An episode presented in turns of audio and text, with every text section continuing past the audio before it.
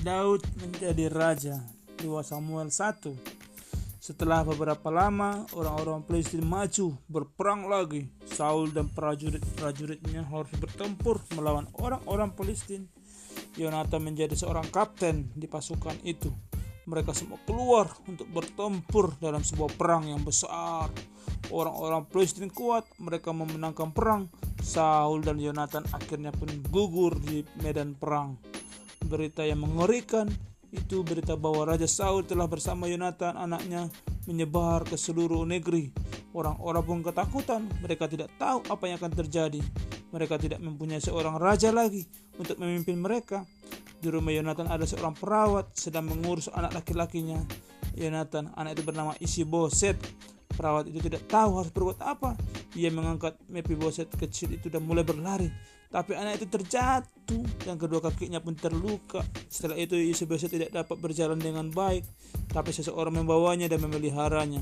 Dan juga mendengar tentang perang itu, seseorang utusan datang dan memberitahunya bahwa Saul dan Yonatan telah gugur di perang. Lalu Daud sangat sedih, ia sangat mengasihi Yonatan. Setelah berapa lama, Daud bertanya sama Allah, Haruskah aku kembali ke negeriku sendiri sekarang? Allah menyuruhnya pulang. Pulanglah kau Daud, dibilang Tuhan sama dia, dibilang Allah. Daud kembali ke negerinya sendiri dan orang-orang menjadikannya raja menggantikan Saul. Akhirnya anak laki-laki gembala kecil itu menjadi seorang raja. Orang-orang mengasihi Daud. Ia seorang raja yang baik yang melakukan apa yang benar di muka Tuhan. Suatu hari Daud berkata, "Apakah ada orang dari keluarga Saul yang masih hidup? Jika ada, aku ingin berlaku baik samanya." Mereka memberitahu Daud bahwa tentang isi boset. Mereka membawanya kepada Daud, isi boset lumpuh. Ia datang menghadap Daud dan terlungkup di depan Daud. Daud berkata kepadanya, isi boset, jangan takut. Yonatan ayahmu adalah sahabatku. Aku akan berlaku baik samamu. Daud memberi isi boset beberapa orang hamba dan sebidang tanah.